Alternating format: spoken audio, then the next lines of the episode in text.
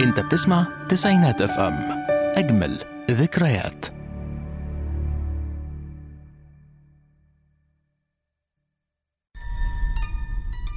عمرك فكرت إيه هي أسوأ كوابيسك اللي ممكن تخليك خايف تنام؟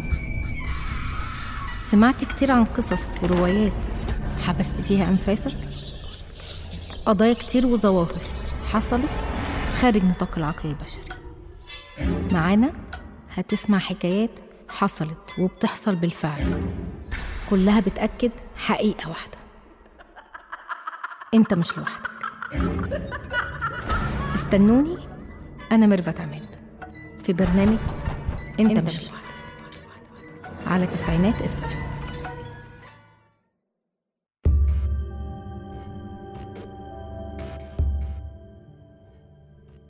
مساء الخير. على كل مستمعين تسعينات إف إم. النهارده مش هنروح بعيد.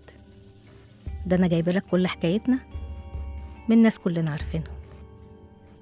وبرضه كانوا عايشين معانا. فارجع لورا في كرسيك علشان اللي هتسمعه النهارده هيخليني سايباك وانت مرعوب وحابس نفسك. هستناكم.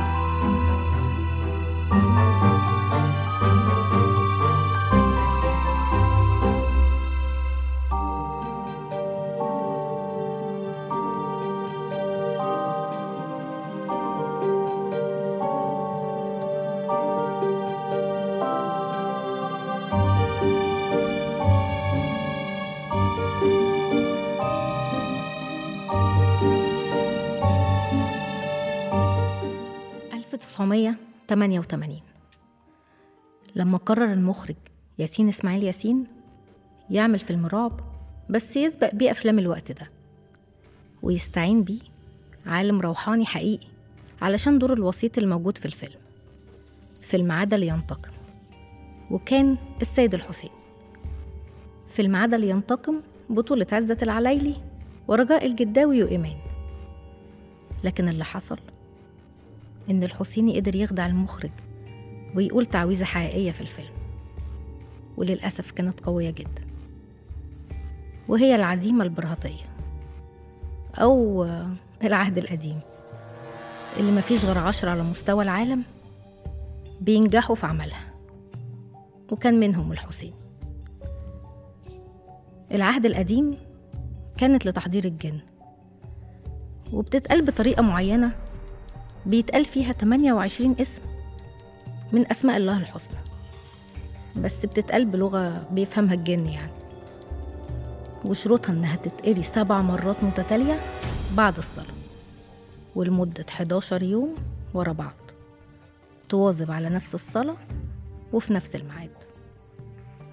العزيمة دي موجودة في كتاب شمس المعارف الكبرى اللي رغم تحريفه وحذف أجزاء كبيرة منه اللي إن هو بيحتفظ بقوة جبارة في أعمال السحر. نرجع تاني لقصة الفيلم اللي بتكون مع دكتور هاشم أو عزة العلايلي اللي بيفقد بنته في حادثة ويعيش بذنب فقدانها بسبب إهماله. هنا هيفكر يدور على بيت جديد لغاية ما يأجر فيلا وتبدأ الأحداث الغريبة تظهر. هيشك في الأول إنها روح بنته بتتواصل معاه. لكن هيكتشف إنها روح ولد اتقتل في الفيلا وعايز ينتقم من اللي قتله. هنا هيجي دور الحسيني في الفيلم علشان يتواصل مع الروح. علشان يخرج الحسيني عن المألوف ويقول العزيمة البرهطية. وتبدأ بالفعل مواقف غريبة تحصل في لوكيشن التصوير. حتى إن مدير التصوير لقى ظلال سودا كتير قوي باينة في الكاميرا. ومشاهد تتحذف لوحدها. وظل ناس مش موجود في فريق التصوير يظهر في الكادر. جري على المخرج يشتكي لكن المخرج ما كانش مقتنع. ينزل الفيلم في السينما وتبدأ حالات الهلع والصراخ من ناس حضر العرض. بيأكدوا إن هم حسوا بلمسات على جسمهم. وفي ناس تانية أكدت إنها شافت خيالات علشان يتقرر وقف العرض في السينما. بس للأسف اتذاع في التلفزيون. بس بعد وقت قليل اتمنع من العرض على التلفزيون. نرجع بقى لحياة الحسيني اللي كان في الوقت ده معروف في مصر والخليج. وكان ممثلين ونجوم كورة كتير قوي بيروحوا له. الناس اللي مهتمية بالطالع والسحر والفلك. الحسيني كان في مكتبه في أوضة مصفحة ممنوع أي حد غيره يدخلها. في يوم 5 يونيو 2003 الحسيني اتأخر على رجوعه للبيت. مراته قلقت عليه قوي. كلمته مردش حاولت تتواصل مع أي حد من معارفه كلهم قالوا إن هما ما شافوهوش. قررت تروح مكتبه عشان تشوفه. لقيت المكتب فاضي. حاولت تدخل الأوضة معرفتش. ده اللي خلاها تتصل بالبوليس. اللي قدر يفتح الأوضة. علشان يتفاجئوا بإن الحسيني مرمي على الأرض. جسمه لونه أزرق ومتخشب. وفاتح بقه وعينه وباصص على بقعة سودا في السقف. الشرطة قررت تشرح الجثة لمعرفة سبب الوفاة. خصوصا بعد أهل الحسيني ما اتهموا مراته. اللي كانت أصغر منه بحوالي 40 سنة علشان تتفاجئ إن مفيش أي شبهة جنائية ولا حتى سبب وفاة طبيعية. وللأسف ساعة تغسيل جثته فشلوا يقفلوا بقه وعينه واتدفن بنفس الوضع. يا ترى إيه اللي شافه الحسيني خلاه مذعور وميت بالشكل ده. صدقت لما قالوا اتقلب السحر على الساحر استنوني نكمل باقي حكايتنا بعد الفصل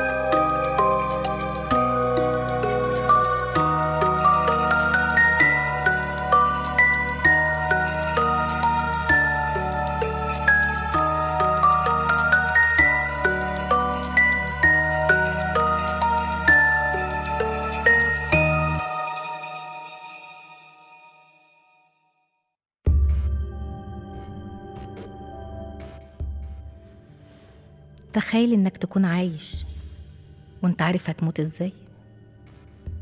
هو ده بالظبط اللي حصل مع الفنان عمر خورشيد. والكلام ده كان عن لسان حد مقرب ليه قوي وكاتم أسراره. واللي ما يعرفش عمر خورشيد هو عازف جيتار أخو شريهان وزوج مها بعوف. خورشيد كان عنده شغف فظيع لعالم الجن والقوى الخفية.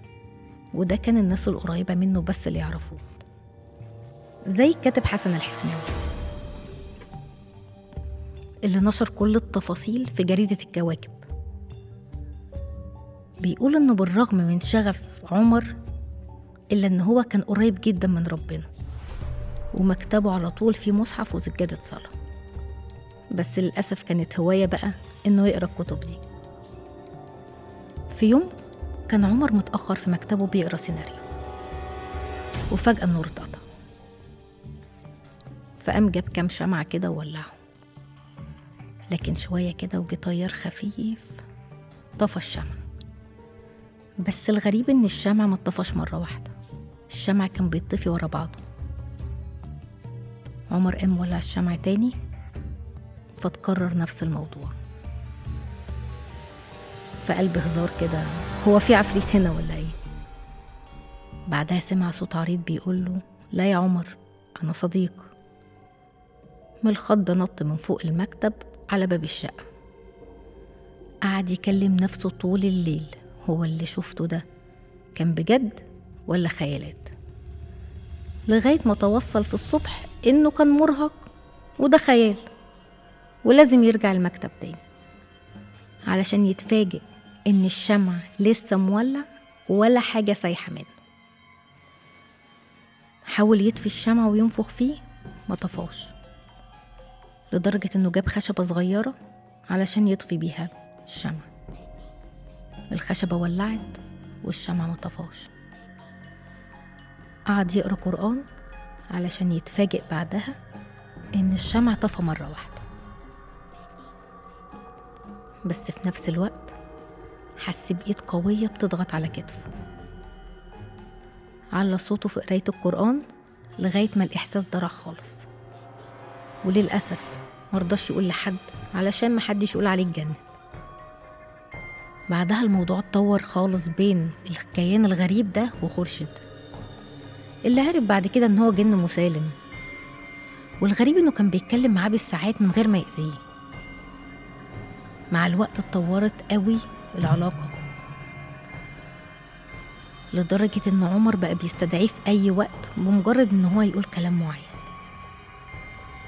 في يوم راح له حسن الحفناوي علشان يتفق معاه على أوبرية أطفال وفيلم جديد عن سرقة راس توت عنخ آمون. عمر كان متحمس جدا للفكرة بس بعد كام يوم اتفاجئ الحفناوي بمكالمة من عمر. بيعتذر عن الفيلم وبيطلب منه يغير الفكرة ويعمل فيلم عن الأرواح والأشباح. وقال له يا حسن الناس بتحب اللون ده وبتشدله قوي. بعد أسبوعين الورق كان مكتوب وعمر مبسوط بيه جدا. بس عمر قال له هو أنت عارف أنا طلبت منك تكتب عن كده ليه؟ قال له ما تفكرش إني عايزة أقدم اللون ده عشان التشويق للناس وكده. أنا عايزة أحكي لك على حاجة. بس اللي هحكيهولك طول ما أنا عايش ما تحكيهوش لحد. وبدأ عمر يحكي كل حاجة حصلت له لحسن. حكى كمان إن هو كان مع سفير دولة عربية في المكتب عنده. وحضر الجن. والسفير ما استحملش لما سمع الصوت وأغمى عليه. لما عمر فوقه حاول يقنعه إن ده صوت تسجيل. بس الراجل ما اقتنعش وقال له أنا شايفك بتكلم حاجة مش ظاهرة. فاضطر عمر يحكي له. قال له طب أنت بتستفيد إيه منه؟ فقال له إن هو مش بيأذيه وبيحكي لي حاجات هتحصل وبتحصل فعلا. رد عليه حسن وقال له بلاش يا عمر أنا خايف يحصل لك حاجة وحشة. فرد عمر وقال له أنا مش هعرف أتخلص منه ده هو اللي مختارني. فقال له طب ما تقول لي أي حاجة كده عنه. قال له إن عمره 1700 سنة. فقال له طب ما إحنا كلنا عارفين إن الجن من زمان قوي. قال له طيب أنا هقول لك حاجة سمعتها منه وما فهمتهاش. قال له إنه في مرة قال لي إن وشي هيكون معكوس على شظايا إزاز. قال له طب وأنت ما سألتوش يعني إيه؟ رد قال له لا أنا سألته. ورد عليا وقال لي بركان أحمر يتلألأ فوق جبال قاطمة سوداء. شوية وجه كاتب عبد الله أحمد. وكان في اتفاق على تلحين أغنية. بس عمر كان سرحان اليوم ده جامد قوي. قعد يتكلم عن حبايبه وأهله وشغله لغاية ما هما بيتكلموا والنور اتقطع. فضحك خورشيد وقال لهم أهو صاحبنا شرف. حسن حد حس بحد بيتنفس جنبه فخاف وقرر يمشي. وقبل ما يمشي عمر طلب منه إنه يحدد ميعاد مع أنيس منصور علشان يتكلم معاه عن رواية أرواح وأشباح بس قال له خليها لما أرجع من أستراليا. لكن للأسف ملحقش الميعاد ده لأن عمر مات بعدها في حادثة عربية وكان عمره 36 سنة. بيقولوا إن شظايا الإزاز كانت في وشه لغاية رقبته والدم كان في كل مكان على الأسفلت الأسود. وهو ده بركان أحمر يتلألأ فوق جبال قاطمة سوداء واتسجلت الحادثة ضد مجهول. صدقت بقى لما قالوا اللي يخاف من العفريت يطلع له؟ استنوني نكمل آخر حكاية من حكايتنا بعد الفاصل.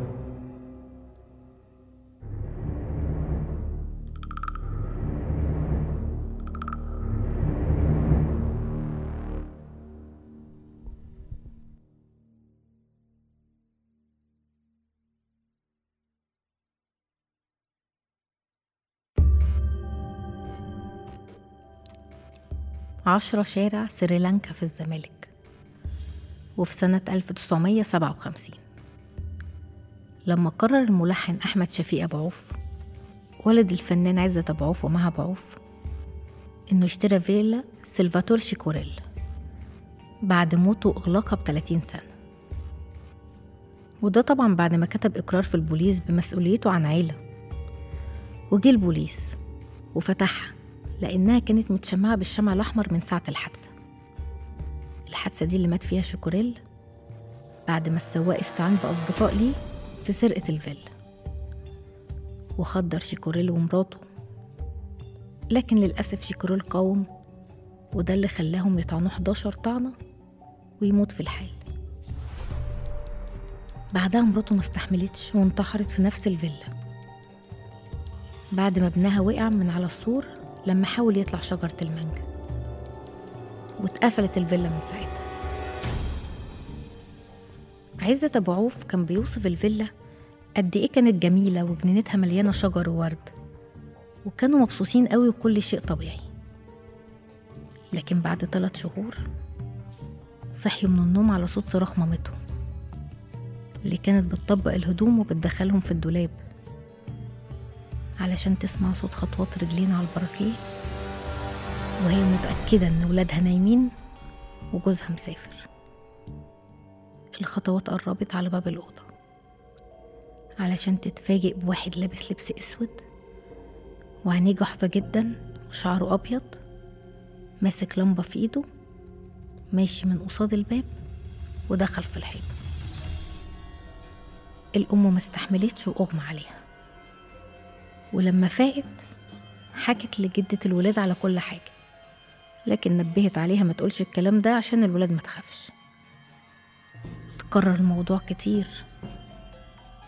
لغاية ما جه أخوها الصغير اللي كان هو عمره ساعتها 24 سنة يقعد معاه لأن جوزها كان بيسافر كتير. في يوم كان قاعد بيذاكر وتعب شوية فحب يريح شوية ويسند راسه على المكتب. علشان يسمع نفس صوت الخطوات جاية ناحية الأوضة. رفع راسه عشان يتفاجئ بنفس الراجل فوقيه وسند إيده على كتفه. نط من على المكتب لدرجة إنه بيقول إنه عدى من جوه الراجل. وراح على أوضة أخته علشان تتفاجئ بشعر واقف كله ولونه أبيض مفيش ولا شعرة سودا. بيقول لها يلا لمي هدومك وخدي ولادك البيت ده مسكون تاني يوم رجع جوزها من السفر. وانفعل جدا لما حكوله وقال لهم أنتوا بتأذوا الولاد مفيش حاجة اسمها عفاريت. في نفس اليوم ورثة شيكوريل اتصلوا بيه علشان ياخدوا البيانو الخاص بيه. فاضطر شفيق ومراته يروحوا المحل علشان يمضوا على ورق الاستلام. علشان تتفاجئ مراته بصورة شيكوريل متعلقة في المحل. صرخت وقالت لجوزها هو ده الراجل اللي بشوفه. فرد عليها حد من المحل وقال لها ده فعلا شيكوريل اللي اتقتل في نفس الفيلا اللي أنتوا قاعدين فيها.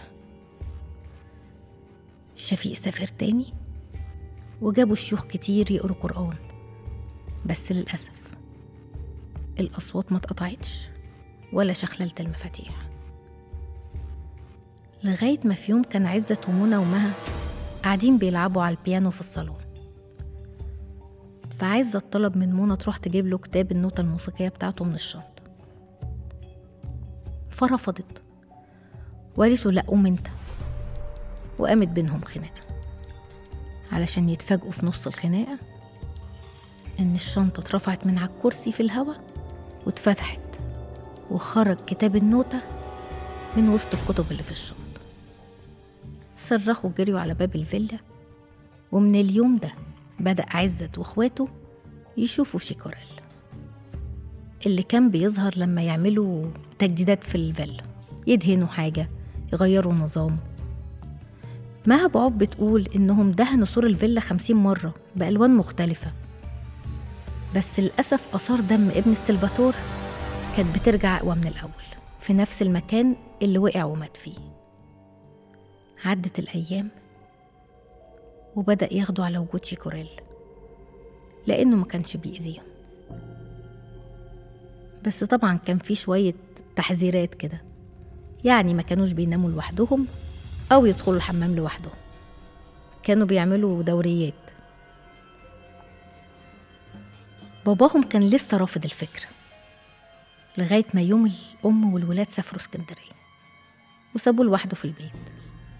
وكان قاعد في مكتبه بيراجع اللحن عشان كان ملحن برضه. ونسي جزء في اللحن.